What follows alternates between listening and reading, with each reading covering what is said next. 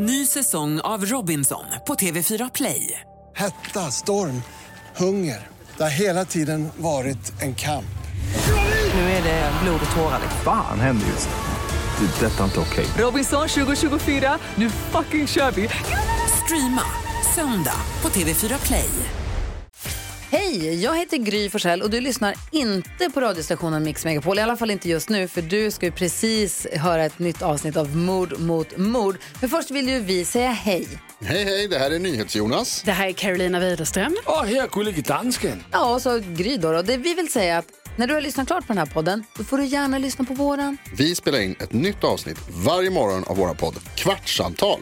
Och hela radioprogrammet blir ju också en podd om man är väldigt morgontrött eller så. Just det, om man missar morgonen ja. Men mest av allt så får du gärna lyssna på programmet i direktsändning varje morgon på Mix Megapol. Live varje morgon från klockan sex och då har vi med oss massor med vänner också. Thomas Bodström, Babben Larsson, Johan Pettersson, Christian Luuk.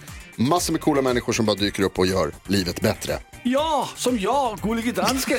Exakt så. Och så mycket bra musik och annat skoj såklart. Så vi hörs när du vaknar på Mix Megapol. Podplay.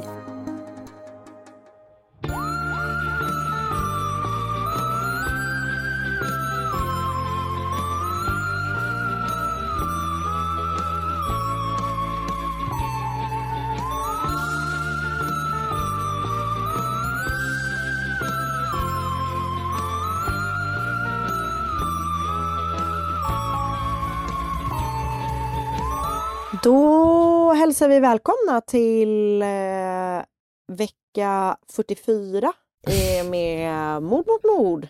Det gör vi verkligen, det tycker jag. Och du Jag heter bytte ju... lite... Ja, jag vet. Jag, Ja. jag blev så... Ja, blev förvirrad. Jag blev förvirrad, men typ också att jag såg det lite grann som eh, så bra konsumentupplysning. Ja. Alltså bara att du tog på det. Det är liksom, du är som veckornas fröken ur. Om fattar. Exakt. Det kanske kan öppna upp en det. helt ny målgrupp. Strive. Ja, De som bara vill veta vad det är för vecka. exakt. Det är också Det, lyssnare. you, I gotcha. Berätta aldrig för dem om hemsidan vecka.nu. Eller kalender 365. Eller att man kan lägga till veckonummer. Finns fröken ur fortfarande? Eh, gud, vilken bra fråga. Jag tror typ att det gör det. Jag vet inte. Jag googlar va? Finns fröken ur kvar? Det märktes att ehm, min pappa är modell äldre i söndags när man, vi bytte tid. För han ringde och sa, du har väl inte glömt att dra tillbaka tiden? Japp. Mm. Ah, ändå mysigt att dra tillbaka Men tiden. alltså, ja. Det är ju den sköna, sköna varianten. Är det sköna hållet. det är jag kommer aldrig man- ihåg vilket det är, men jag försöker alltid tänka på den här att man ställer, Plocka in exakt plocka in ut, utemöblerna. utemöblerna. Men jag tycker inte den är Den är, inte, den supertydlig. är inte toppen, för att det är inte som att Nej. man plockar in klockan. Exakt. Ställer fram funkar ju väldigt bra. Alltså det känns som att de Ja. som kom på det hade ju bara hängt upp det på ställa fram. Men man kanske säger ställer fram och ställer tillbaka. Det kanske är så man gör. Fast det är ju också konstigt vad de ställer tillbaka. Det är In, också... i, in i förrådet. Ja. Ja, men jag håller med dig i alla fall. Jag tycker inte heller att den är Mm. spot on. Jag tror att det verkar som att, eh, ja, Fröken Ur finns. Så kul. Mm. Undrar hur många samtal som går dit. Det är en kvinna som heter Johanna Herman Lundberg som eh, gör Right. rösten. Okej. Hon är Fröken Ur. Och hon har är även rösten på nummerupplysningen, flera olika banker, Skatteverket och Försäkringskassan. Wow. Okej. Det var ändå stort. Ja, verkligen. Mm. Hon måste ha en så bra röst. Verkligen. Eller bara en så neutral, för jag har aldrig tänkt på den. Men jag gillar det. Jag gillar, jag gillar henne. Glad för hennes skull och Det, hennes det är en karriär. person, verkligen, det är en person som gör eh, hissen i, nej, rösterna i hissen. Är det den som är lite, Hissar. är det- jag tycker ofta att det är lite göteborgska. Andra våningen. Exakt! Ja, Du tyckte alltså att det var mycket göteborgska?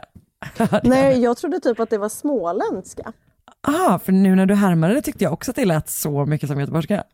Ah, okay. Andra det kanske är våningen. det det. Eller så, men det är också vilken diss av din småländska som jag precis gjorde. Men jag är inte så jättebra på att härma dialekter. Det har vi väl ändå liksom kommit fram till. Men det är den, den som du ändå är eh, ofta Bäst ändå på. bättre på än vad i princip skulle jag säga nästan alla stockholmare är, är ju faktiskt göteborgska. Tack Karin. Så det är väl värmer därför du tog den. Otroligt. Mm. Mm, jag förstår det. Alltså det Jag jag, kan vill också berätta tydlig. att jag tydligen är bra på malmöitiska. Ja, vet du vad? Jag har svårt att se det, men take it away. Ehm, Åh nej, stress, eller nej, stressad. det, det, är inte, det är inte Malmö, det är typ Höllviken. Var är det? Utan, ehm, det är utanför Malmö, liksom ehm, mot Falsterbo-hållet typ. Okej, så du har då lyckats naila den här specifika. Jag tror att eh, vi hade en kollega som eh, var typ från Höllviken. Som du då har plockat upp ja. Nej, men det är nog inte därifrån. Jag vet inte. Jag, Gud, jag, it's such a ride. verkligen, häng med. Ehm, nej, men det, vi struntar i det. Vi lägger Du, det på kom, hyllan. du kommer inte härma det. Nej, nej. Okej, och jag vill också vara tydlig med en sak. Bara för att jag sa nu att jag tycker att du är bättre på göteborgska än många, många andra, betyder inte att jag uppmuntrar dig att liksom skoja på göteborgska. Vi, vi får se Karin, Vi får se. eh, vad jag kommer göra eh, med den komplimangen jag fick. Åh, ändå spännande, man vet aldrig vad det tar för snurr. Nej, det vet man inte. Nej, men jag tycker det känns bra. Hur, eh, hur är det med dig den här veckan? Eh, men det är helt okej. Jag är ju hemma den här veckan. Det är ju i och för sig bara måndag, men jag, jag är sjuk idag. Det är faktiskt så sämst för att du och jag skulle setts imorgon. Exakt. Och nu känner jag att det är en sån sorg i mig att det var så länge sedan som vi sågs. Att jag liksom, Jag vet. Jag kan inte ens typ, jag kan inte ens, du vet, se på den sorgen. Nej, Så jag känner jag. likadant. Eh, jag känner verkligen likadant. Så det, det suger faktiskt. Ja, så låt, Eh, låt oss det bara så. gå vidare snabbt. Ja. För att det är för Hur mår du? mörkt. Eh, men jag mår, eh, ja, men jag, jag mår bra tycker jag. Har du, har du halloweenat någonting? Nej, det har jag inte. Men däremot så tog vi emot eh, ett Nej. gäng bus eller godisare här i För ni huset bor igår. i hus just nu ja? Ja. Berätta. Så det var intressant. Nej men eh, jag måste ju säga att det är ju varierande liksom Kvalitet på barnen. kvalitet på det. Mm, det måste jag faktiskt säga. Ehm, det, det var en som inte ens var utklädd. Vadå, Och det kändes kom så själv slappt. liksom? Nej men han kom med två kompisar. Men han Så- var liksom inte utklädd. Det är så jäkla slappt. Kände du typ att du inte ville ge personen i fråga någon godis då? Nej, alltså det, det vill man ju inte. Alltså då, då Du- snacka om att rida på någon annans liksom, Ah. arbete. Men du borde ju gjort, det. eh, du älskar det. Nej men du borde ju gjort då så som eh, när jag var liten, eller när jag var kanske typ så 12, eh, 13 kanske till och med, och vi var sugna på godis och tog ett gott varv på halloween eh, och också då inte var utklädda. Ingen av oss. Men- Och eh, vilket jag tror att jag berättade kanske på vår livepodd när vi gjorde den för tusen år sedan i Stockholm på halloween, att vi då fick en, eh, en gubbe gav oss en skalad banan. Fy fan, Det är ändå en bra hämnd. Alltså du borde gett honom något riktigt rötet. något riktigt dåligt. Ja, men Ja. Vi skojade om att man bara skulle ta en näve chips och lägga i... ehm, Kasta i ansiktet på honom. Okej, men, Men- vad var det bästa då? Fanns det någon Nej, som var det bra? var liksom, nej ja, de var ju, en del var ju gulliga liksom. Men jag, jag liksom, jag är ju verkligen inte ett halloween-fan. Nej, Ehm, vad är det du inte gillar med det? jag vet inte, jag, jag har liksom, det är ju för att man, alltså jag har ju ingen relation till Nej, det. jag för att vet. Det liksom- fanns ju inte när vi var små. Det, det fanns ju inte. Ehm, så att eh, jag liksom bara... Och då blir jag så här, då blir jag som en sån gammal människa som bara, ja, det är en sån amerikansk tradition Ah. som folk har anammat här. För att den ska kunna sälja mer i butikerna. Det är typ det. Och det är, så, det är som, jag hatar, alltså jag tycker inte om alla hjärtans dag. Nej, Och, det är liksom lite samma, lite samma grej tycker jag. det är ju det 100%. Det blir, det blir så här jippo som någonting bara, som känns helt påhittat. Så, Kul att du precis kallade halloween för ett jippo. Det var det äldsta du någonsin sagt. men det är, det är precis det det är. Det är precis det Ett det är. Du jäkla jippo. Alltså du har inte fel i sak, men det var ändå roligt. Det piggade upp tycker jag. Ja, kul. Ja, det var härligt. Eh, men du har alltså bus och goda, godisat fast utan... ehm, Ja, ja, nej, men, utan ja. du var det här men jag fick ju mitt straff. som Just det, den här bananen. Så jag behöver inte straffa dig också. Nej, nej exakt. Eh, nej, och det men var, alltså, jag men det var ju verkligen. Jag försökte, jag och min kompis, vi försökte liksom trick or treata. Men vi bodde ju liksom i lägenhetshus. Så vi hade ju portkod till hennes hus och portkod till mina föräldrars hus. Och jag bodde ju i två hem. så där hade vi ju två hus. Ja. Men det var ju ingen som öppnade och om det var någon som öppnade så visste ju de absolut inte vad vi gjorde Nej. där. Nej, nej, nej, nej. Det var ju bara att ni gick hem till främlingar och bad om godis. Ja, Det är ju eh, speciellt. Jag, vi fick typ en peng tror jag hemma hos någon. Men eh, det var väl för att de typ bara ville att vi skulle därifrån. Ja, men ändå värt. Eh, nej, men vi var ute och gick lite häromdagen här, här omkring. Eh, och Mm. då var det ändå, det fanns lite hus som ändå var lite pyntade. Eh, Ja, kul. mycket så zombie-avspärrningstejp verkar vara Ja, liksom, det grejen. känns eh, enkelt. Känns enkelt också, och så förstås lite så spindelväv. Mm. Jag såg på någons Instagram Mm. eh, att eh, det var i någon sån här, eh, i någon sån här, i någon förort till Stockholm. Mm. Så eh, va- var det liksom, du vet i sådana villaområden där alla hus ser precis likadana ut. Ja, De kanske är byggda och så, början på 2000-talet. 100% det var där jag köpte alla saker till Sally. Ja, jag kan tänka mig det. Mm. Eh, där hade då flera grannar gjort så här projektorer på sina hus. Så det var så spöken liksom som var film Ja. på huset. Och du vet att de hade gjort så skelett i trädgården och sånt. Ja, och det tyckte du inte om. Alltså, jag kände ändå... Vilket jävla jippo. Att- Jag kände det, men jag kände också att jag beundrade dem för att de tog sig tiden. Så det var, det var blandade känslor. Nej, jag förstår, du hann, du hann gå igenom mycket där, förstår jag. Ja.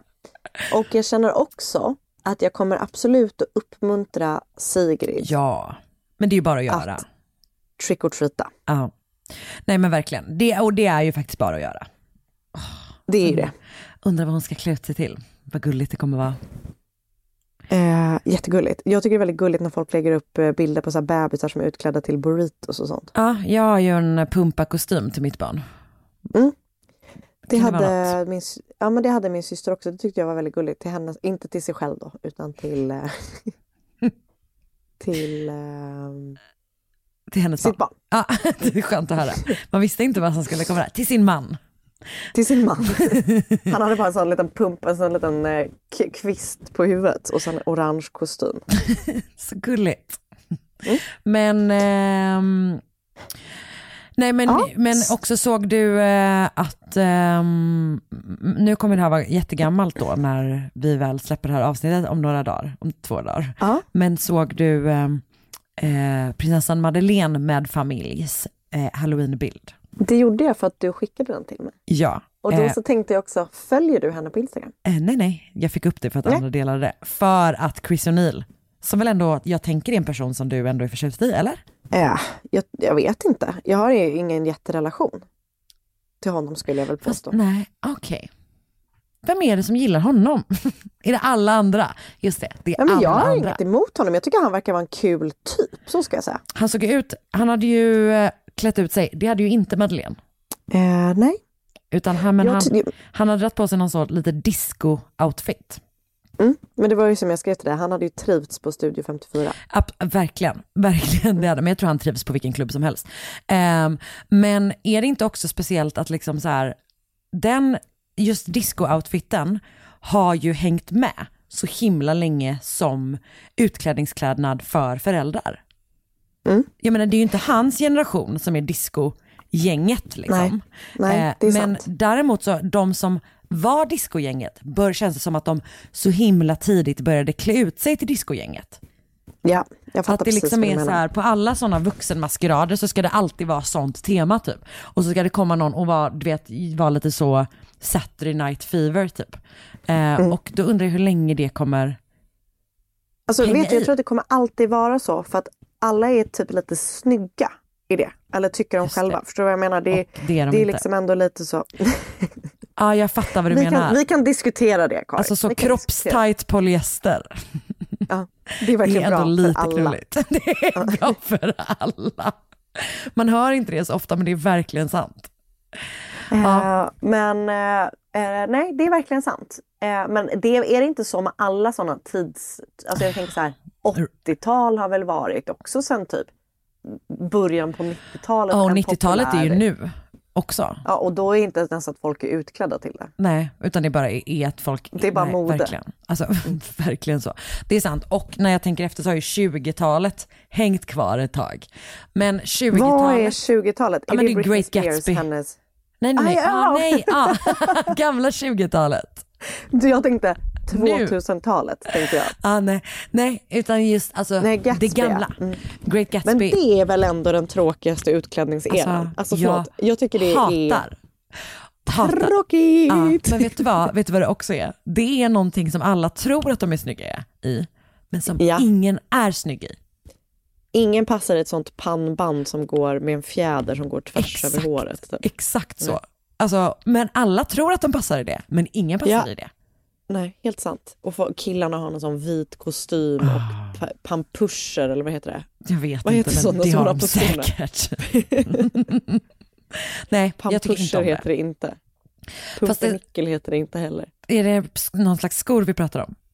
Ja.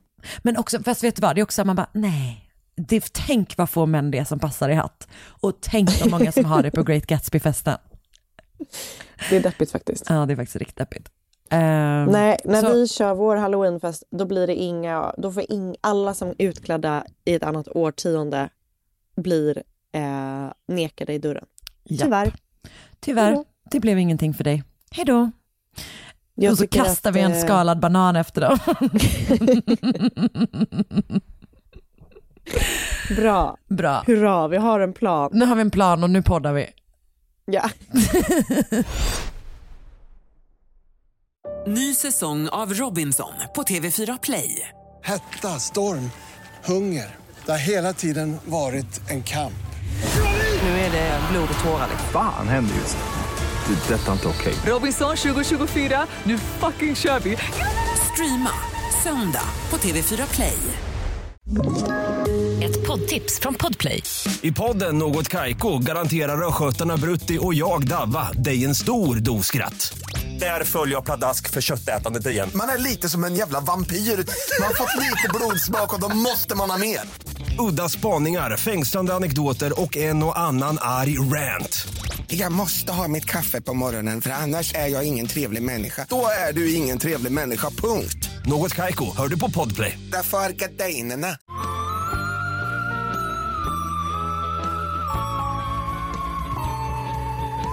I dagens fall så vill jag förvarna att det finns detaljer som är väldigt obehagliga. Och jag kommer som alltid inte gå in på någon superdetaljerad nivå. Men jag vill ändå ha det sagt för att jag själv liksom eh, reagerade på det, så att säga. Bra. Bra varning. Och fallet som jag ska berätta om idag var ett av Polens mest uppmärksammade fall och det var under massa, massa år väldigt långt ifrån en lösning. Så låt mig berätta om detta. Katarzyna Sowoda föddes i Polen 1985. Hon verkar ha haft en helt vanlig uppväxt eh, och det finns inte särskilt mycket att läsa sig till om den. Men hennes pappa gick bort 1996 när hon alltså var då 21 eller 20, precis tidiga 20-åren. Vilket fick henne att bli deprimerad. Något som hon verkar hanterat både genom medicinering och att gå och prata med en psykolog. 1998 så började Katarzyna plugga på Jagiellonian University som ligger precis i närheten av Krakow. Hon pluggade psykologi och historia innan hon till slut landade i att hon ville läsa religion. Hennes kursare där beskrev henne som en väldigt trevlig och snäll person men sa också att hon var ganska tillbakadragen och sorgsen. Hennes kursare vittnade också om att hon förändrades under den första tiden i skolan. Alltså du vet, hon, började, hon färgade håret blont och hon gick ner sig ganska mycket i vikt. Och det verkade liksom som att hon då ja, typ kämpade med att hitta sin plats på skolan. Mm. Hon var väldigt intresserad av musik och gick på spelningar och eh, handlade mycket det här är ju då innan Spotify. Eh, så, och hon handlade liksom mycket olika inspelningar av spelningar och skivor och sånt på en butik. Ah. En, musik, eh, liksom en ja, musikbutik som låg på campus. En skivaffär. Så heter det. Vad sa jag? Musikbutik. Musikbutik. Vilket i och för sig lät härligt för det rimmade. Alltså gud. En skivaffär, exakt så. Ehm, Vad är ens en musikbutik? Det finns inget. Ehm, det finns inte. Än. Ehm, ja. Men så i början av november 1998 så beställde Katarina en inspelning med Grateful Dead som hon inte hade i sin samling i den här butiken på campus. Men när den var redo för att hämtas upp så kom hon inte. Hon svarade inte i telefon liksom, och hon kom inte heller för att hämta den, vilket då var konstigt liksom, för hon hade ju varit väldigt intresserad av att få just den här inspelningen. Den 12 november så dök hon heller inte upp till, eh, hon hade stämt träff med sin mamma och hon dök inte upp till den heller. Hon hade stämt träff hos sin läkare då som behandlade henne för hennes depression och hennes mamma brukade liksom följa med henne dit ibland. Och, eh, men den dagen så, så, så kom Katarina inte dit. Och när hon då inte dök upp så började då, eller hennes mamma tyckte det var konstigt för att hon verkar ha varit liksom en ordningsam person. Så mamman började då höra sig för om någon hade sett henne eller hört någonting från eh, Katarina. Men hon fick liksom ingen, ingen information från någon på campus som kunde hjälpa henne vidare. Liksom. Hon visste inte var hon var. Hon var inte hemma, hon svarade inte. Du vet, sådär. Så då bestämmer sig Katarinas mamma för att gå till polisen för att anmäla att hennes dotter är borta. Men som ofta, vi, som vi läser om, så får hon då höra av polisen att eh, hon får avvakta för att det säkert inte är någon fara. Men Katarina eh, kommer inte tillbaka. Eller hon liksom kommer inte... Ingen, hon, ja, det, ja, hon kommer inte tillbaka helt enkelt. Och den 6 januari 1999, alltså en, en och en halv månad ungefär efter att hon då hade liksom setts vid livet senaste gången, så är det en eh, boxeringsbåt som är ute och kör på floden Vistula. Mm. Och då är det något som fastnar i motorn. Besättningen ombord förstår liksom inte vad det är. De går ner till liksom, eh, de går ner och liksom utreder det här och de tar- tar ut någonting ur propellerna och det luktar illa.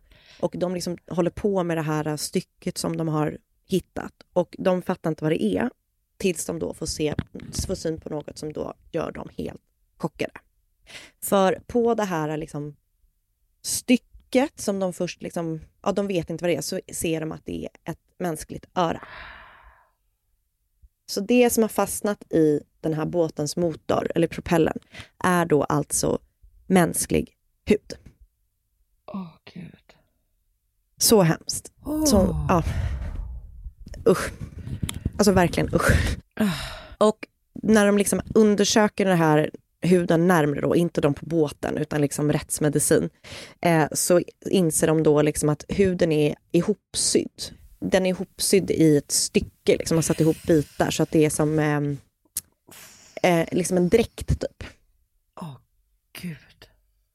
Och några dagar senare hittas också ett ben, eller delar av ett ben och kläder i då Vistula, den här floden.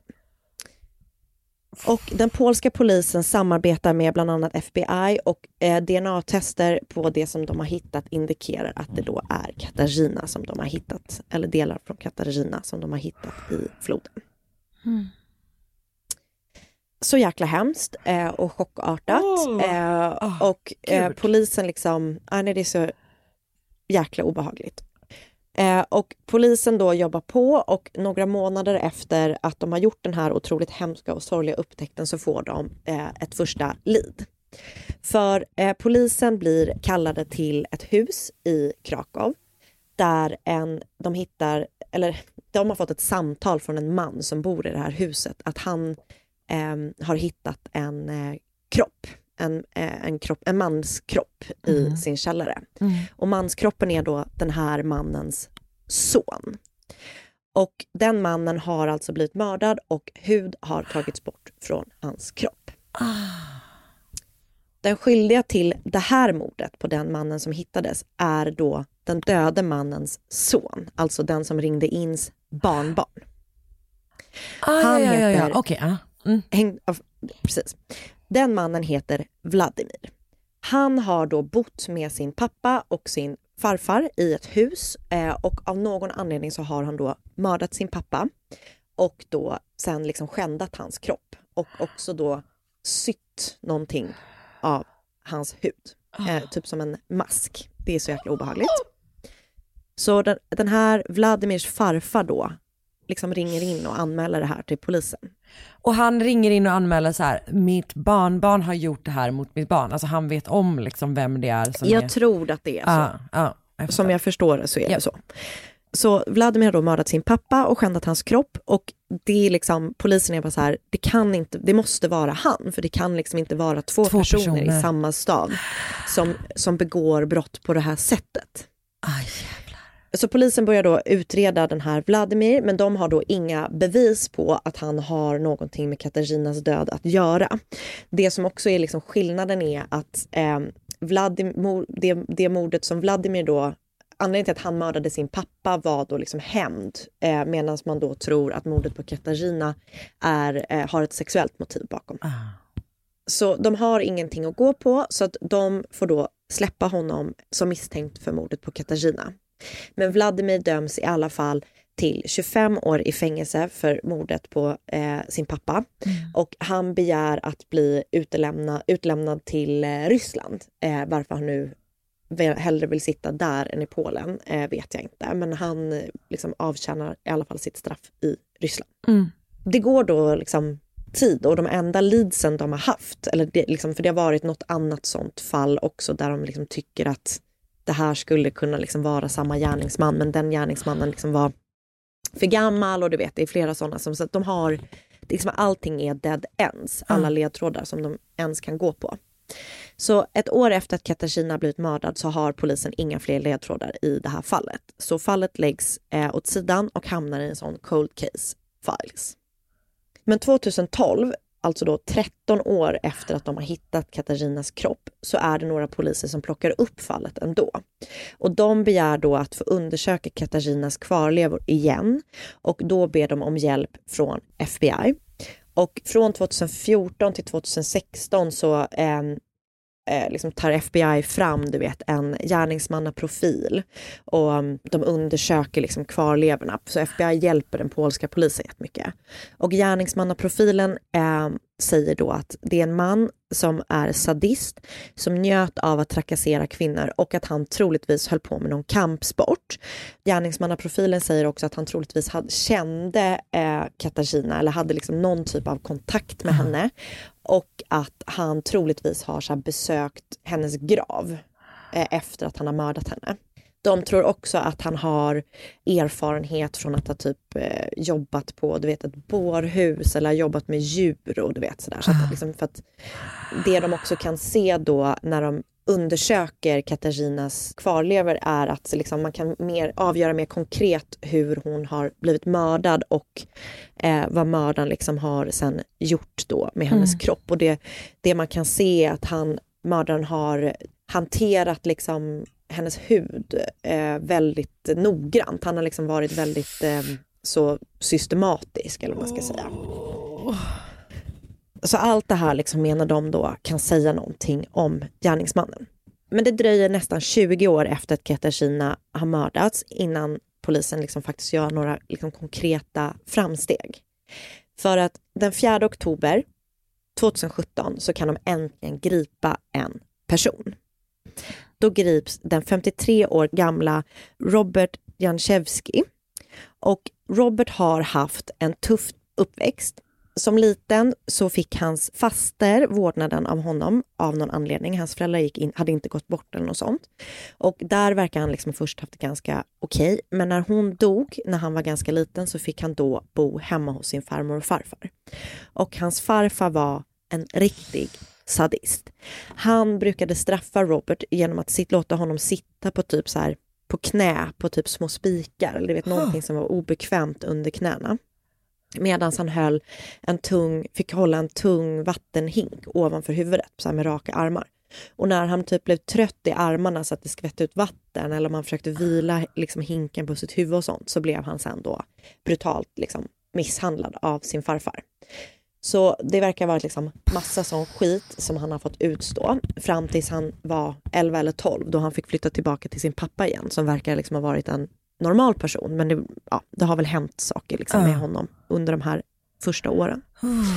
Ehm, så liksom obehagligt verkligen. Det sägs också att han eh, misshandlade djur som liten. Så det vet vi ju ett sånt klassiskt varningstecken. Så eh, han har ju haft en eh, tuff, tuff uppväxt, vilket är liksom ingen ursäkt, men kanske någon slags Förklaring. eh, förklaring. Och tydligen så hade Robert varit eh, av intresse för polisen redan, redan 1999, alltså när liksom de började utreda. Eh, men av någon anledning så plockades han inte in då och för, liksom förhördes ordentligt. Och jag vet inte exakt, han kände väl Katarina, det är någonting som har gjort att han har figurerat i utredningen redan då. Mm. Jag vet inte exakt vad. Men det som gör att han till slut grips då där Eh, i oktober 2017 är för att någon i hans närhet har skickat ett brev till polisen där hen gör dem uppmärksam på att de borde plocka in honom för att liksom, utreda honom för Katarinas död. Vad som står i det här brevet vet man inte, för det är så superskyddat och konfidentiellt eh, lagt liksom av polisen. Men när han väl då är gripen så går polisen in i hans lägenhet och där gör de en sån supergrundläggande undersökning av den. Och i badrummet så hittar de massa blodspår i typ skarvarna mellan kaklet. Alltså 17 Nej. år senare. Mm. Eller 18 år senare blir det. Vad du skojar? Eh, nej, så sjukt. Och, och det är väl tydligen så att hur noga man än städar så finns det väl liksom, du vet, i, Ah. du vet jag tänker att det är så poröst, det som sitter mellan kaklet och det har väl så här, du vet, glidit ner ah, där eller under golvet, jag vet inte. Mm. Så sjukt verkligen. Och Robert passar också in på den gärningsmannaprofil som FBI hade tagit fram. För utöver att han hade då ett track record av att trakassera kvinnor så hade han också tränat någon typ av kampsport. Han verkar också då ha varit bekant med Katarina på något vis innan hon mördades och han har vid till, upprepade tillfällen besökt hennes grav. Jag hörde också i en podd att någon, hade liksom, någon kvinna som han hade liksom pratat med tyckte att han liksom hade sagt saker som hon då menade liksom refererade till Katarina.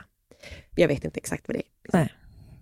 Så, men han hade också arbetat på eh, Krakow Institute of Zo- Zoology där han hade eh, fått sparken från efter att han hade mördat alla kaniner som fanns på hans pass på institutet. och det kan han liksom inte berätta varför han gjorde, utan han har då, jag vet inte, de utreder väl liksom djurarter där Nej. antar jag att man gör på en sån. Och då så hade han liksom bara helt, alla kaniner var liksom döda Men efter att han skulle ha jobbat med dem. Mm. Och där ska han då liksom ha lärt sig att hantera djurkroppar och djurhudar då. Han bodde även i närheten av Vistula, alltså den här floden då där eh, Katarina hittades, eller hennes kvarlevor Mm. hittades. Så att det är liksom utöver då de här blodspåren som de hittade i hans lägenhet så finns det då liksom massa andra saker som styrker bilden av att Robert då skulle vara skyldig till mordet på Katarina. Han själv hävdar att han inte kände henne och att han inte har något med mordet på henne att göra. Men han åtalas för aggravated murder och häktas omgående. Och han får sitta häktad länge och han sitter häktad än idag som jag förstår det och väntar på sin rättegång i en cell där han liksom är, har bevakning du vet, dygnet runt och sitter väldigt sådär sepa, liksom separat från resten av fängelset. Okej, vad sa du? När sa du att han är 2017? Mm, så Ah, fyra år. jävlar. Mm. Han har också i flera omgångar hävdat att han blir trakasserad av fängelsevakterna, något som typ inte verkar ha någon grund. Och eh, som jag förstår det så har det fattats beslut om att lägga till typ ljuga för polisen och falsk anklagelse av fäng- f- anklagande av fängelsevakter till hans åtal. Ja. Så, ja, det, Så- vad gör man inte? Nej, verkligen. Men gud. Ja, så jäkla hemskt. Och man vet då inte exakt vad som har hänt, liksom vad som faktiskt ledde fram till att hon blev mördad. För han nekar ju liksom sin inblandning. Ehm, men... eh, Och de har uppenbarligen inte hittat liksom, det här känns ju så himla lite som ett så här enda brott på något sätt. Ja. Det är så jävla... Alltså verkligen. För det var någon som liksom teoretiserade då om att det, när han liksom gjorde sig av med då eh, liksom den här eh, hud... Eh, Alltså när han gjorde sig av med, så liksom att det skulle vara som en sån så här, titta på mig, alltså att det var som du vet att han skulle liksom... Att han eh, ville ha uppmärksamhet typ. he- Exakt så. Mm. Eh, men som jag förstår det så hittar man ingenting annat på honom. Så. Och, eh, inte, och jag vet inte varför egentligen de sitter och vänt, de väntar så på hans rättegång. Men eh, de, jag vet inte om de försöker liksom styrka det och sådär. Men det är ju ganska länge att sitta häktad så länge. Jag vet inte exakt. Det, Det, känns inte för- superrättssäkert. Nej det gör det ju inte. Men, ah, gud vad sjukt. Ja. Och eh, liksom det här då som vi har pratat om med andra fall och det här är ju liksom i Europa och sådär men det, ju, det här har inte heller fått, det finns väldigt lite liksom internationella eh, sidor om det här. Ehm, så att det verkar liksom, det har varit superuppmärksammat i Polen eh, såklart men eh, har det verkar inte liksom ha spritt sig, som- eller jag hade aldrig hört om det innan. Eh, jag, jag trillade över det. Det där var ju fruktansvärt. Ja. Stackars. Så himla hemskt. Ja, så jäkla sorgligt. Och hennes mamma. Hennes och jag bara, usch. mamma. Mm. För det är någonting med, ah, jag vet inte, det är så hjärtskärande just att liksom så här veta att ens barn eller liksom någon man älskar har fått utstå liksom för att ja, det Ja. verkar som att hon liksom, alltså, fått utstå hemska saker Ja, innan. Ja, ja. det är verkligen det. Ah, Så det var lite om det otroligt sorgliga och hemska mordet på Katarina Sovada. Usch. Ja. Och jag har läst eh, en artikel om ehm, eh, det här som heter The Shocking Murder of Katarina Sovada av Avis Lee på myster- mysteriesunsolved.com.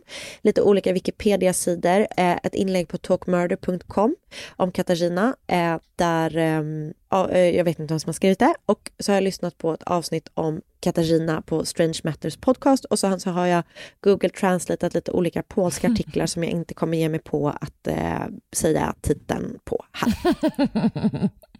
Men vi kanske länkar dem i Facebookgruppen? Det gör vi. Ja. Det gör vi. Det gör vi. Så om, man, om man vill förbättra sin Om man polska, pratar polska. på det här sättet Exakt. så eh, eh, kan man göra det helt enkelt. Då har man sin chans. Usch och fy.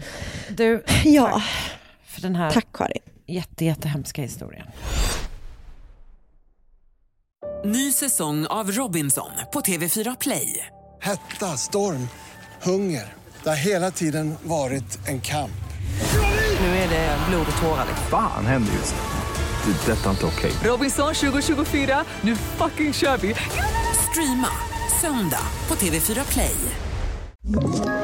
Ett poddtips från Podplay. I fallen jag aldrig glömmer djupdyker Hasse Aro i arbetet bakom några av Sveriges mest uppseendeväckande brottsutredningar. Går vi in med hemlig telefonavlyssning och, och då upplever vi att vi får en total förändring av hans beteende. Vad är det som händer nu? Vem är det som läcker?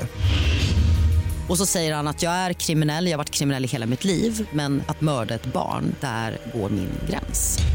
Nya säsongen av Fallen jag aldrig glömmer på Podplay.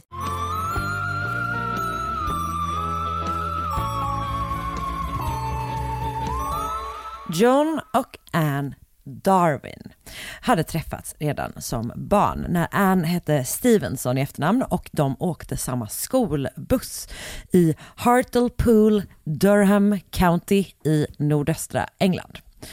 Och, men de gick liksom inte på samma skola utan båda två gick på katolska skolor så att det var liksom en pojkskola och en flickskola så de gick uppdelade. Eh, men de började dejta i slutet av tonåren och gifte sig 1973. Då hade John, John inlett en karriär som lärare och Anne som sekreterare. Och de bodde då liksom kvar i Durham County och fick två söner, Mark och Anthony. Vilket bara fick på Mark Anthony. Alltså verkligen. I just wanted you to comfort me when I called you late last night to see. Det är så himla bra. Alltså det var så speciellt, du vet att jag läste det och bara, det var liksom fel i mitt huvud för att det var för mycket bara Mark Anthony. Och det förvånade mig typ att det var, att Mark Anthony var så top of mind att jag inte, jag vet inte, det var, jag tyckte det var Det härligt. var, men det var det första jag tänkte också. Så Ja, att, det eh, uppenbarligen bra. behöver vi gå på Mark Anthonys konsert om han någonsin kommer till Sverige. Eh, så kommer det bli, bestämt.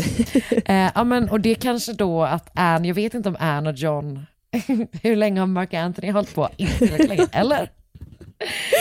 Jag, Jag vet, vet inte. inte. Eh, men de döper i alla fall sina söner till Mark och Anthony och de föds då med tre års mellanrum. Och eh, Anne kommer typ så byta mellan lite olika sekreterartjänster och hamnar till slut på en läkarmottagning. Ehm, och John jobbar först som lärare i matte och ehm, naturvetenskap i 18 år innan han bestämmer sig för att han ska byta karriär. Han börjar jobba på banken Barclays som Barclays kanske? Ja, skitsamma. Som ekonomisk rådgivare.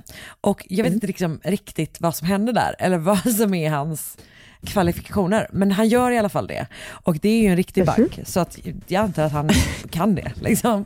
och sen vet jag inte riktigt vad som händer efter det. För att efter ett litet tag så byter han karriär igen. Och börjar då jobba inom kriminalvården. Då blir han vakt på Her Majesty's Prison Home House i Stockton on Men han kanske bara var back, ja, förlåt, han kanske bara var vakt på banken också. Men alltså, han har verkligen beskrivits som en financial advisor i mina källor. Okej, Men då var han det. Men han kanske var sån unsolicited. Du vet att på folk på vägen inte- ut så var det bara att han slängde på dem.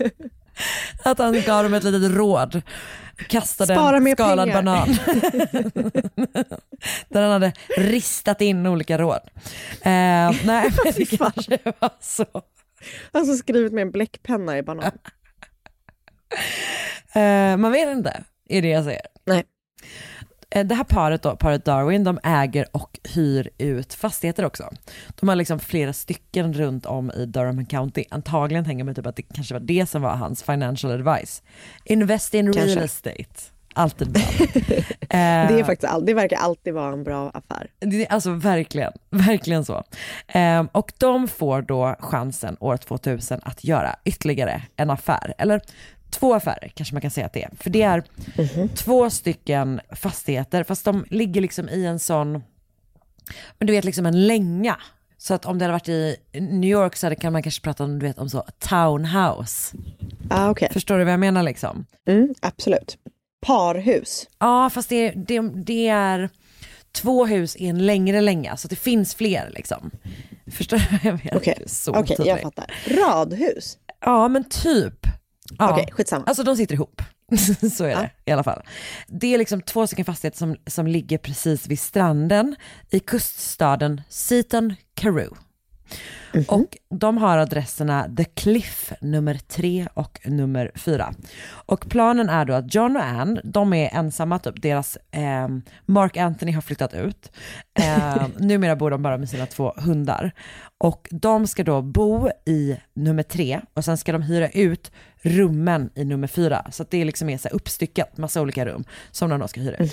Och i Seaton Carew har John då, när de flyttat dit, så skaffar han sig en ny hobby. Han har köpt en röd kajak som han har döpt till The Oka. Eh, han har även målat en späckhuggare på den.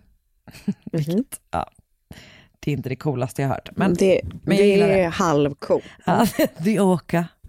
Och han är liksom ute och paddlar med The Oka ibland då. Och torsdagen den 21 mars 2002 så bestämmer han sig för att ge sig ut på en tur. Och John jobbar natt så han är liksom ledig på dagen och ger sig då ut, det är liksom mitt på dagen när han paddlar iväg. Ehm, och det är då en granne som ser honom när han liksom ger sig iväg och en stund senare så stöter han också på två kvinnor som är ute och går med en hund. Och John som ju är liksom, han är ute i vattnet, de är uppenbarligen på land typ. Han typ ropar till dem bara, jag har också hund, jag har två rottweilers. eh, och sen så um, skäller han några gånger, alltså som en hund. Han bara voff, voff, voff, voff, voff, voff. Intressant. Mm, Speciellt. Och sen paddlar han då iväg och efter det så är John Darwin spårlöst försvunnen. Så framåt nio på kvällen så ringer Johns chef på fängelset till Anne och eh, frågar, eller hon, han ringer hem till dem och är så här, var är John typ? Han har inte dykt upp till sitt skift. Och hon blir ju liksom superorolig direkt för att hon vet ju om då att han skulle ge sig ut i kajaken. Så vid halv tio på kvällen så ringer Anne till polisen och anmäler John saknad. Och samtidigt så kontaktar Anne sina och Johns föräldrar och berättar vad som har hänt, att, det, att han är borta liksom.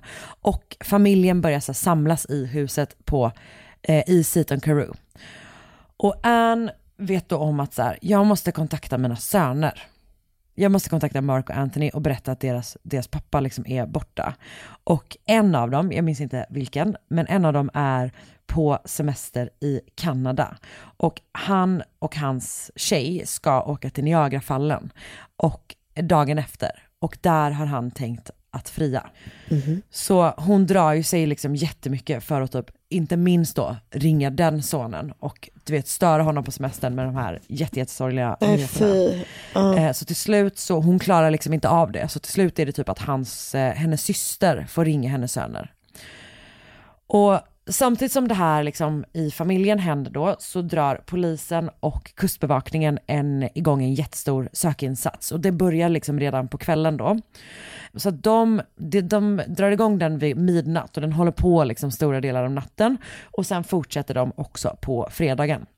Och de kommer då täcka ett område om 160 kvadratkilometer kustlinje. Så det är liksom jättestort, det är Shit. jättemånga inblandade. Men på fredagskvällen när man avbryter sökandet så är allt man hittat en liksom sån tvåsidig paddel typ som man har till kajaker typ. Och polisen börjar då misstänka att det som har hänt är att John kanske typ har tappat sin paddel. Och när man gör det så är man ju, alltså du, du är ju liksom helt utlämnad Nej. till havet typ. Ja. Och det går flera veckor och det liksom är det sista spåret då, den här padden, innan Johns kajak spolas upp på en strand. Okej. Och den är då liksom mer eller mindre, alltså det är typ hål i den, den har liksom blivit sönderslagen av någon slags väder och vind och typ sådär. Efter det så kommer inga nyheter alls förrän man sex månader senare hittar en kropp på liksom en strand i det här området. Mhm. Och man tänker då att så här, kanske finns det en möjlighet att det här kommer då kunna ge den här familjen lite liksom avslut. Men det visar sig att det inte är John.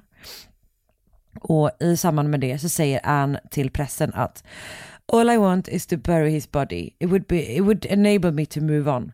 It's difficult to grieve without bringing things to close, but as it is, I'm in limbo.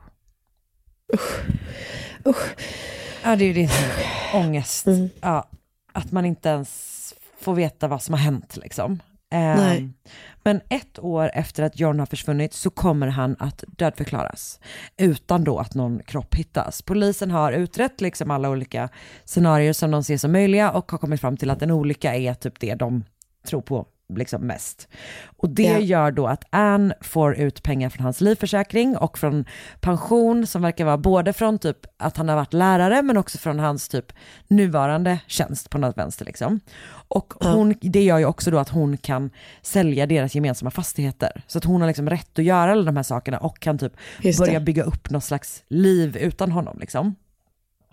Och det tar ju förstås jätte, jättelång tid, alltså det tar ju jättemånga år liksom, det är ju krångliga typ juridiska processer och sådär. Men i Mm. slutet av oktober 2007 så säljer hon vad som då har varit geme- deras gemensamma hem vid stranden i Seaton Carew och flyttar till en lägenhet i Panama. Jaha. Och en månad senare så går en man in på West End Central Police Station i London och säger I think I am a missing person. Nej. Han säger att han heter John Darwin och han har ingen aning om vad som har hänt. Han vet inte var han har varit. Det senaste han minns är en resa han har gjort tillsammans med Anne och deras två söner till Norge Men år 2000. gud. Han är superförvirrad och liksom så här, han fattar ingenting. Han säger att så här, han bara, jag har varit på Topshop med Anne typ och nu har jag Anne och hundarna typ och nu har jag tappat bort henne. Men Varför har ni julbelysningen uppe nu när det är juni typ? Alltså han är helt snurrig liksom. Ja. Och polisen får då inte tag på Anne först eftersom hon är ju i Panama och verkar typ så här, ja, de har, jag vet inte om de inte hittar någon kontaktuppgift till henne, utan de får Nej. då istället tag på en av hans söner.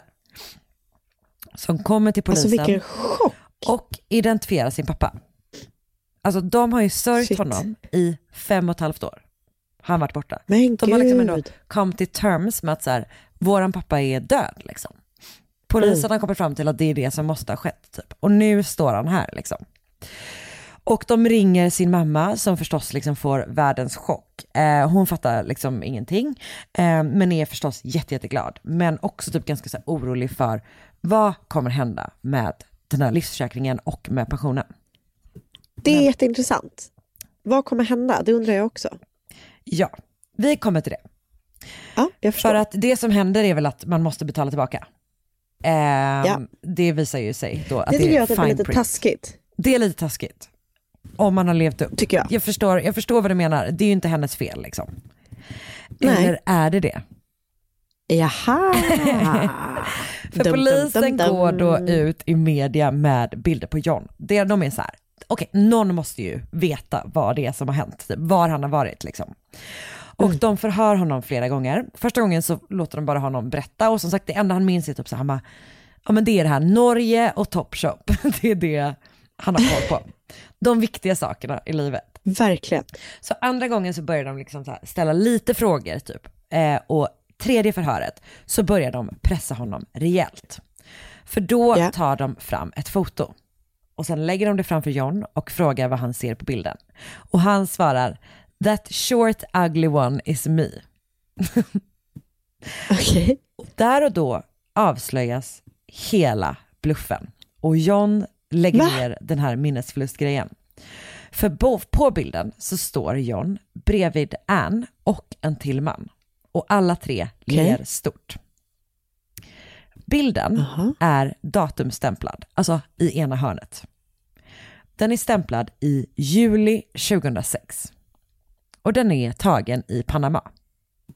Nej. Det är en kvinna, en helt random kvinna som har hittat den här bilden genom att hon har i Google sökfunktion för bilder skrivit in John plus Anne plus Panama. Nej. Och då fått upp den här bilden på- som kommer från hemsidan movetopanama.com. Okej. Och ungefär samtidigt har, för den här kvinnan har skickat den både till polisen men också till The Daily Mirror. Och ungefär, ja, vad är frågan? Nej, nej, berätta. Så ungefär samtidigt som polisen så visar det här för John och han lägger ner sin scam då, så eh, har en journalist på The Daily Mirror letat upp Anne och övertalat henne att så här, han bara, pressen kommer, alla är på väg. Alla vet om typ vart du bor eh, och alla är på väg att leta efter dig. Du kan lika gärna prata med mig direkt så kommer du liksom slippa prata med alla typ. Och hon har då gått med på det här. Och han har tagit med sig henne till ett hotell och där har han först fått liksom intervjuat henne helt vanligt. Och sen har han bett om att få intervjua henne igen. Och då har han visat henne samma bild. Nej. Och hon håller då händerna för ansiktet och säger My sons are never going to forgive me. They thought John was dead. Now they're going to hate me. Okej. Och till en början så påstår Anne att hon inte visste att John levde förrän för ett, alltså ett par år liksom efter att han har försvunnit. Ah, ja, Alltså att han fejkade för henne med. Men sen kommer det fram att de tillsammans fejkat hans död för att komma ur de skulder som John har haft och få ut försäkringspengarna. De har fortsatt att leva tillsammans under hela tiden som John har varit död. Jävlar vad stört. Så det här- paret då, paret Darwin, de har haft skulder, alltså stora skulder. Deras fastighetsbusiness gick liksom helt okej tills de skuldsatt sig för att just köpa de här huset, husen på The Cliff i Ah, Seaton okej. Karoo. De har liksom inte haft, de verkar inte haft problem med att hyra ut rummen på nummer fyra, men däremot så har de haft jättesvårt att få in hyran. Uh-huh. Så folk har typ så här skitit att betala jättelänge och sen har de typ flyttat mitt i natten och sånt. Och det verkar också då som att de har skuldsatt sig väldigt mycket för att ha råd att köpa husen. Så att de har svårt att liksom täcka upp de här eh, skulderna till banken eh, för att de inte får in på hyran. Och samtidigt så har John tagit ut kreditkort på kreditkort och du vet så här, leasat en jättefin bil, de har typ åkt på fina semestrar, han har dragit på sig mer och mer och mer och större och större skulder. Och nu då eh, runt 2002 så börjar då långivarna så här verkligen ligga på honom att få tillbaka pengarna. Så familjen är liksom, eller det här paret, det är bara de som vet om det här. De är liksom under enorm press. Men alltså det är så intressant tycker jag. Jag tycker det känns så vanligt, eller vad man ska säga, att folk som har redan jättemycket skulder gör sådana saker som Ja. att så här, ja, jag köper en bil här för jättemycket pengar. Nej, och, ja, ja, ja, typ nej, en ny alltså- klocka Ja. för 200 000 och en väska och så här. Japp, nej, Jag och alltså just det. det här att han liksom, så han typ leasar en Land Rover som han typ skryter för, eh, om för liksom sina kollegor, för han har ju också ett vanligt jobb. Eh, det är inte, och ändå så verkar han liksom, han är ganska skrytsam typ. Och det verkar som att så här, han vill liksom inte erkänna för folk runt omkring honom att han inte typ lever ett gott liv. Eh, utan så att han liksom bestämmer att istället då för att gå i personlig konkurs, vilket ju är så här, ja det suger ju, det är ju fruktansvärt. Men det är ju typ det enda rimliga att göra i den Ändå här situationen. bättre. Ja, Ja, verkligen. Ehm, men han vill inte göra det då och behöva liksom avslöja för folk runt omkring honom att han inte typ har det bra ställt och inte typ lever ett gött liv. Så istället så eh, kommer han då på att det är en bättre idé att han ska fejka sin egen dö död. Och Ann, enligt henne själv i alla fall, är då väldigt mycket emot det i början. Alltså hon bara, det där är en helt galen idé, typ. vad håller du på med? Det kan vi inte göra. Men han ligger Nej. på och till slut så går hon med på att hjälpa honom. Och hon menar då att han är liksom den dominerande och styrande i deras relation. Men hon hänger ju på liksom. Ja. Och det hon kanske typ inte riktigt har tänkt igenom då är ju att så här, personen som måste hålla uppe den här lögnen är ju hon. Ja. Han behöver ju gömma sig, men hon måste ju ljuga för, alltså delvis här pressen, polisen, alla dem. Sina barn. ja. Sina barn. Alltså hon måste lura sina barn att deras pappa är död. Det är så hemskt. För hans föräldrar, alltså hans pappa måste, alltså det är så jävla jävla hemskt. Och att det är Ja. liksom så här, det handlar också om en lögn som, det är ingen typ, det här måste vi ljuga om under en kort period. Utan det är så här, Nej. det här måste pågå så lång tid liksom. Mm.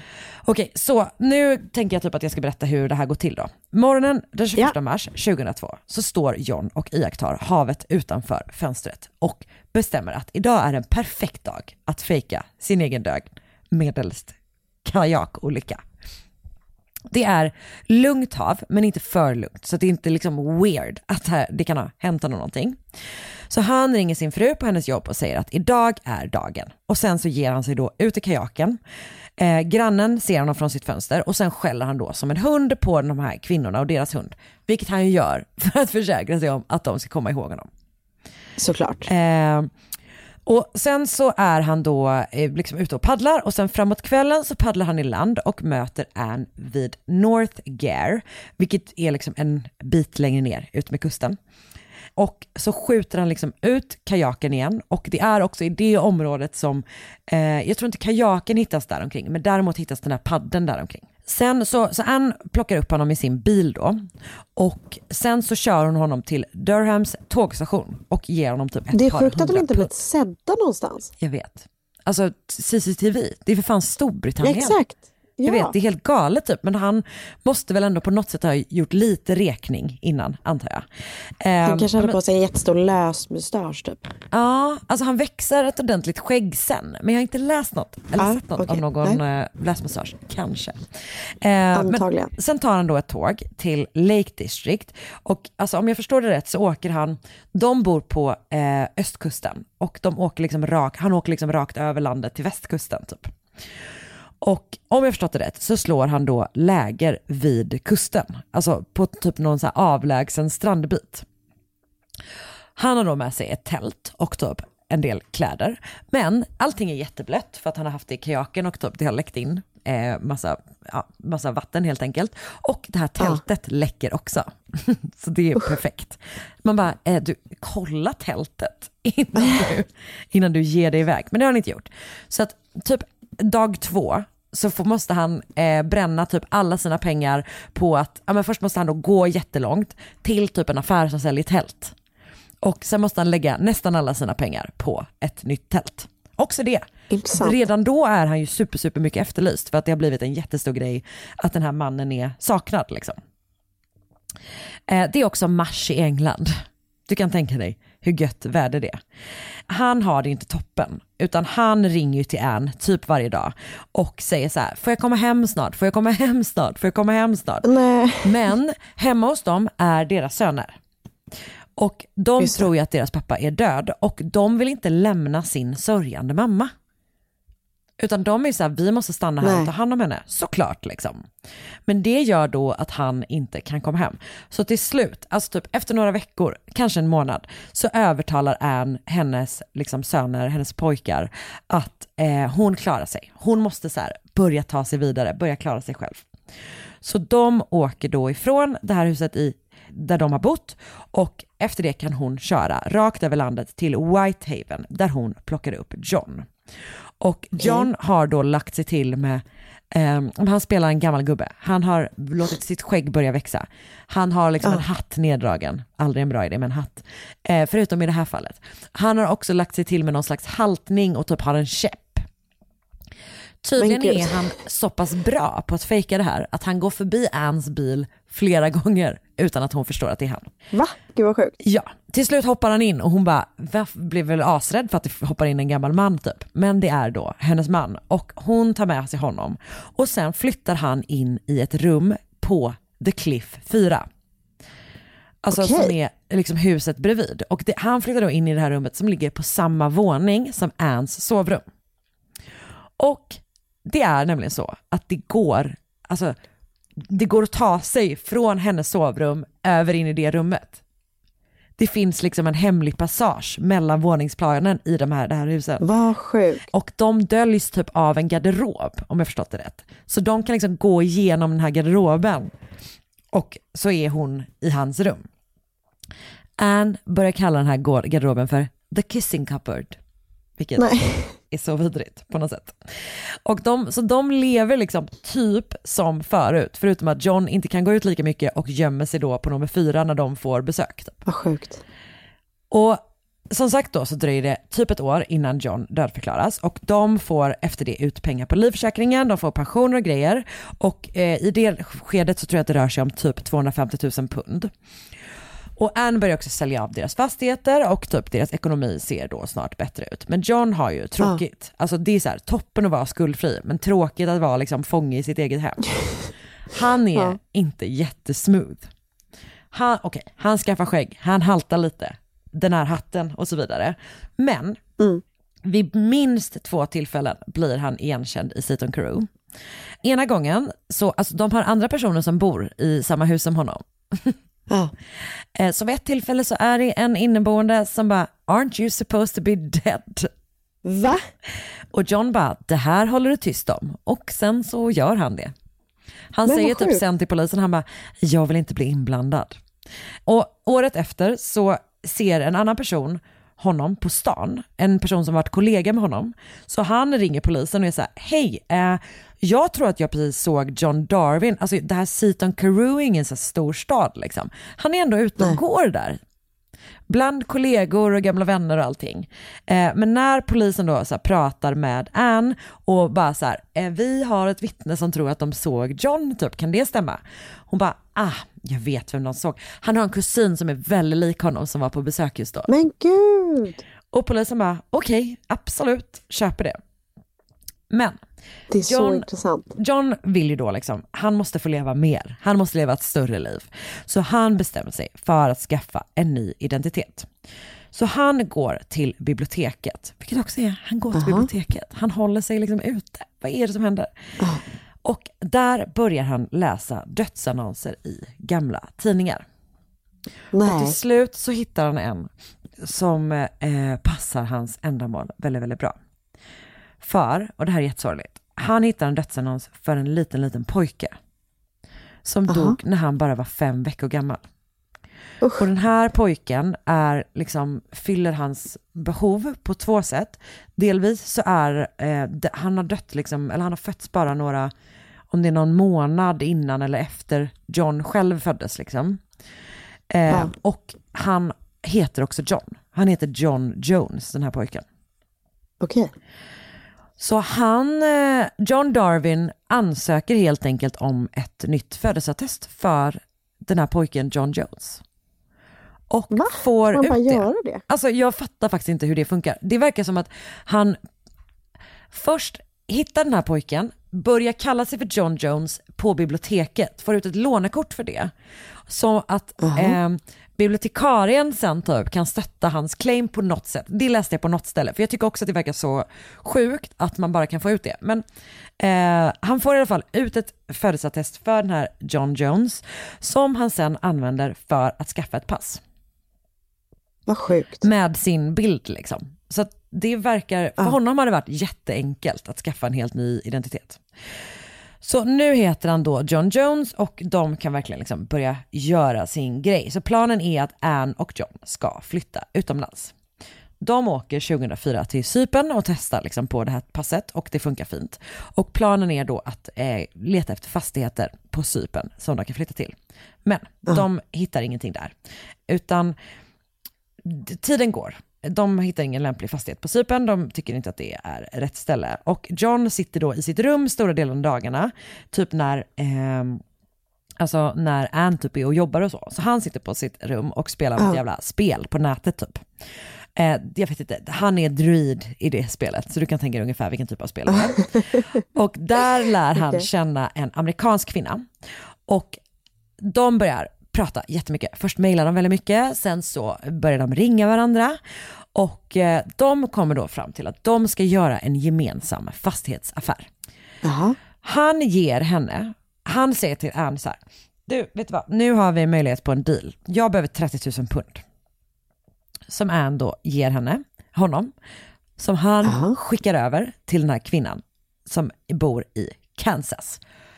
Planen är att hon ska ta de här pengarna och köpa en ranch. En nedgången ranch som hon ska rusta Alltså upp. jäklar vad sjukt att han bara gör det. Ja, och sen så ska de då sälja den och så ska de dela på vinsten. Okej. Sen åker John och hälsar på den här kvinnan. Alltså han rakt av åker till Kansas. Hon heter Kelly Steele. Eh, Han är där hösten 2005. Men när han kommer dit så blir han rasande när han ser hur röten ranchen är. Han tycker inte att hon har gjort tillräckligt. Och han eh, börjar då eh, hota henne. Han Ja. tycker att hon har lurat henne, honom, att hon borde ha köpt en bättre ranch typ. Eh, så att han börjar hota henne och påstår då att han känner en maffiafamilj som heter Giovanni som han ska bussa på henne. Okej. Det blir helt enkelt ingen ranchaffär. Men Alltså han borde vara glad att hon inte bara hade tagit pengarna och dragit vet. som typ hon har ändå köpt en på internet. Jag vet, hon har verkligen rakt av köpt en ranch för pengarna. Men han tycker inte att hon har renoverat tillräckligt snabbt.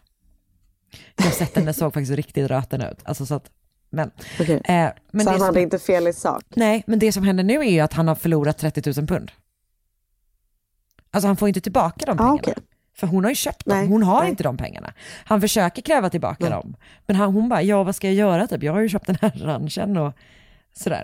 så att eh, han får väl bara gå till Anne och säga så här, du vet vad, jag har tyvärr förlorat de här pengarna och eh, maffiafamiljen Giovanni finns inte. Så där har vi verkligen ytterligare ett problem.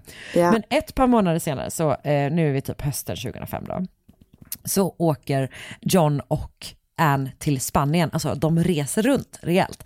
Det, det gör de för att de funderar på att köpa en katamaran. Det är så ballsy. Nej jag vet. Och alltså det är verkligen the audacity känner jag med hela den här historien. Han bara Alltså på verkligen. typ. Så då åker de till Spanien, funderar på att köpa en katamaran. De tänker att de kan bo till havs typ. Men det blir ingenting med den affären. Eh, så till slut bestämmer då John att Panama är stället för dem. Så, Så sommaren intressant val av 2006, ja, tydligen har de ingen utlämnings, eh, de har liksom ingen deal Nej, med, okej. med Storbritannien. Så Och det är tänker, inte Cypern heller typ. alltså det måste de väl ha. De har ju fan typ en Jag militärbas där. Ja det är sant. Så det borde de Jag vet ha. inte var, jag bara, jag bara, Det kanske är därför de inte, loco. ja men det kanske är därför det inte blir Cypern. För att jag menar det finns ju hus på Så är Cypern. Så att det, de hade ju kunnat bo där. Eh, nej men, eh, så att, men och, och enligt Anne så är det bara att John helt plötsligt har bestämt, vi ska till Panama. Jag vet inte. Okej. Men de åker då dit sommaren 2006 och det är då när de är där och letar fastigheter som deras mäklare frågar, får jag ta en bild på er? Och de bara, ja det får du. Och sen lägger de upp Alltså. den här bilden på movetopanama.com. Och det är då den som typ ett år senare kommer bli liksom the smoking gun i deras eh, rättsfall. alltså shit. Mars 2007 är de tillbaka i Panama. Där köper de en lägenhet för 50 000 pund. Och några månader senare så köper de också en gård, typ någon slags finka som det heter, eh, för typ 200 000 pund. Och planen är då att de ska öppna någon slags eco-tourism business där. Det ska vara lite så, kanske så glamping tänker jag, lite åt det hållet. Typ. Det pratas i media senare om att de ska erbjuda kajakturer. Men det kan vara hittepå. Men Det ändå. känns typ som hittepå. Jag tror typ det. Det känns som ett eh, hittepå av sådana British tabloids typ. Alltså, verkligen. men det är ändå en härlig detalj om det skulle vara så. Ja, det knyter ihop säcken. fint. Verkligen. Så hemma i England så skriver Anne över fastigheterna i Seaton Carew på sonen Mark innan de säljer båda två. Och det säger hon att de gör för att ehm, det är någon så här någon skatteteknisk fråga som gör att hon bara, det är bättre om du säljer dem typ. Och sen så överförs då pengarna till ett konto i Panama. Så hösten 2007 har paret Darwin liksom officiellt, alltså de har klarat sig. De har fejkat Johns död. De har fått alla pengar de har velat ha. De har sålt alla sina fastigheter och de bor i Panama. Alltså de har verkligen klarat det här. Men problemet då är att John kan liksom inte keep his cool. Eh, det verkar lite grann störa honom att det är Anne som kontrollerar allting eftersom hon är liksom den enda som har dokument. Den enda typ, som lever. Ja, exakt. Och som har liksom dokument som typ klarar en officiell granskning. Typ. Och det som är då är att det sker någon slags mm, lagmässig förändring i Panama som börjar kräva att om man ska typ göra investeringar så måste man ha typ en investment visa. Och för att få det så måste deras pass granskas av brittisk polis och de inser att hans pass eller hans liksom identitet inte kommer klara den granskningen. Där han kommer inte kunna bli verifierad av den brittiska polisen för att de kommer se att så här, men den här personen är ju död liksom. Så de har just klarat sig när John bestämmer sig för att jag vill kunna börja investera igen så jag måste återvända från de döda. Alltså en månad efter bestämmer han sig för att jag ska flyga tillbaka till London. Han anländer i London den 30 november 2007 och går på Oxford Street och river sönder sitt John Jones pass sida för sida och slänger Åh, sidorna i 15 olika papperskorgar på Oxford Street för att man inte ska kunna liksom knyta an det här till honom. Eh, och sen börjar han vandra runt på Topshop på Oxford Street och försöker se djupt förvirrad ut med förhoppningen att någon ska gå fram till honom och säga så här, hej, behöver du hjälp? Men det är Åh, ingen Gud. som gör det. det är ingen på Topshop som vill prata med den här medelålders mannen som spelar Varför gick han förvirrad. in där? Jag vet verkligen inte. Och... De har inte valt någon liksom lite mera... Ja, men, för jag, tänk, jag vet inte vad Där som... någon- Har, alltså, ja, för att det, är också typ så här, man bara, vilka går på Topshop? Inte folk som vill prata med honom. Nej. Alltså- det är typ unga, unga personer. Ja, verkligen. Gå till ett ställe där typ förvirrade gamlingar brukar röra sig. Där de är vana vid att ta hand om förvirrade gamlingar. En bingohall till exempel. Alltså verkligen. Mm. Men det gör han inte, utan han går på Oxford, eh, på Topshop.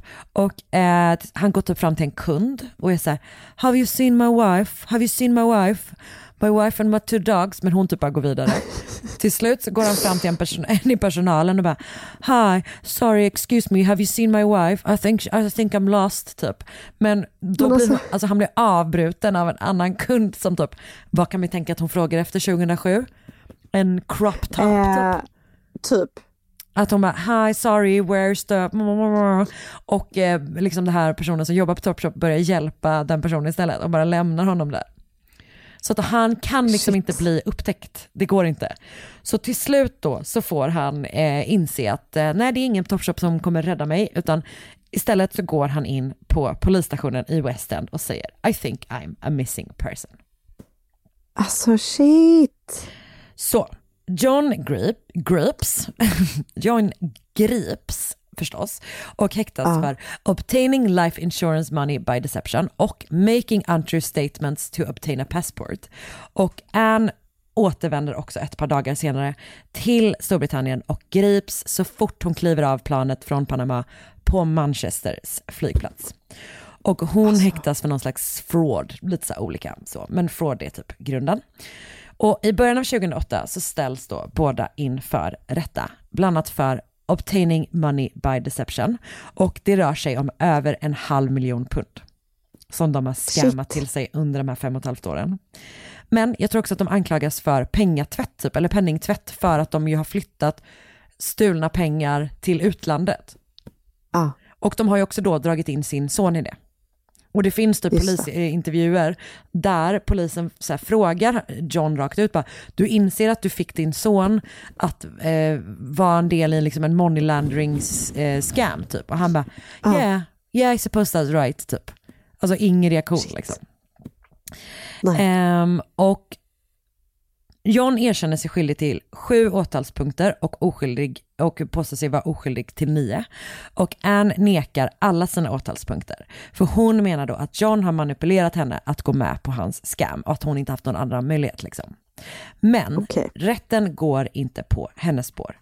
Utan John döms till sex år och tre månaders fängelse. Och Anne, på grund av att hon påstår sig vara oskyldig och inte tar på sig något ansvar, döms till sex år och sex månader. Så hon får Okej. alltså längre än honom. Vad sjukt. Och just det, det glömde jag säga. Redan innan han har dykt upp så har, de börjat, har polisen börjat fundera på om det kan vara så att John faktiskt lever. För att han har liksom, innan hon flyttade till Panama, när hon jobbar på den här läkarmottagningen, så har hennes Ja. kollegor överhört vad de misstänker är hennes man. Som typ ringer och typ pratar med henne alltså på jobbet. typ? Ja. Alltså han har haft noll cool överhuvudtaget. Så att det har pågått liksom någon slags undersökning innan när typ det här plötsligt bara breaks open typ. Alltså Eh. så stressigt att eh, liksom försöka kontrollera någon som ska vara in hiding, som bara börjar liksom så här agera ut. Ja, ja, ja. Nej, alltså han vägrar. Han är ute och gör liksom vad fan som helst. Hela tiden. Typ. Ehm, ja, så hon döms sex år och sex månader och i januari respektive mars 2011 så får de båda då, blir de villkorligt frigivna. Två år senare så grips John på Newcastle flygplats för att ha brutit mot sina eh, frigivningsvillkor. För han har tänkt lämna landet för att han har då träffat en kvinna eh, från Ukraina på nätet och han är på väg för att åka och hälsa på henne. Okej. Ehm, för då har paret Darwin skilt sig. Och det tar ganska lång tid för att Anne är jättearg på honom för att han har liksom försatt henne i den här situationen. Och han skriver, men han skriver också jätte- jättelånga brev till henne och du vet liksom så här, när hon inte svarar skriver han bara mer och mer och mer. Så han har, hon har liksom förlåtit honom om och om igen. Men till slut så kommer det ut i pressen att John har en sexig brevvän som han skriver heta brev till. Och bland annat så har han i ett av breven skickat med en ekvation där om hon, hans pen, pa- penpal räknar ut svaret på ekvationen så Nej. får hon reda på hur stor hans penis är. Nej. Och jag efter det- orkar inte. Det var det nördigaste, det var det nördigaste dirty talket jag har hört. Alltså en gång mattelärare, alltid mattelärare. Alltså verkligen. Men där känner, alltså då känner eh, Anne Då att så nu får det vara bra. För han är också, Ja, typ, alltså han det. är ganska snuskig, typ att de, det finns mail typ där han liksom är så här, du vet så här, I can't wait for you to get your bum over here. Alltså även till henne så här, I got something waiting for you. Han är mycket, Nej. mycket sån. Ehm, men efter då, eh, så att de är liksom inte gifta längre och Anne eh, har dragit sig tillbaka och eh, verkar hålla sig ganska mycket undan från rampljuset. Medan John har då träffat en annan kvinna på nätet och bor numera i Filippinerna tillsammans med henne. Okej. Intressant. Så det här Shit, var vilken, då eh, den sjuka historien Sjuk story. om The Canoe Khan. ehm, John Darwin, The Canoe Man, ehm, som då var en, har Nu varit en tänkte jag bara på hans jättestor. penis. Du vet vad, he wish. Han kallar även den för The Orca. Och obehagligt nog Det här är, är även är den röd. Nej, Karin. Nu räcker Är det dags att lägga på? Nu lägger vi på. Ehm, jag har då lyssnat på British Scandal som är den här podden som jag tycker så himla himla mycket om. De har en Ja. hel serie om det här. Du måste lyssna på den för det är faktiskt, alltså det, det är så många roliga detaljer som jag inte har kunnat ta med. Det är alltså tre avsnitt. Um, Gud, vad kul. Du, du, jag kan verkligen rekommendera det. Det heter då, det är deras senaste säsong eh, som heter The Canoe Con.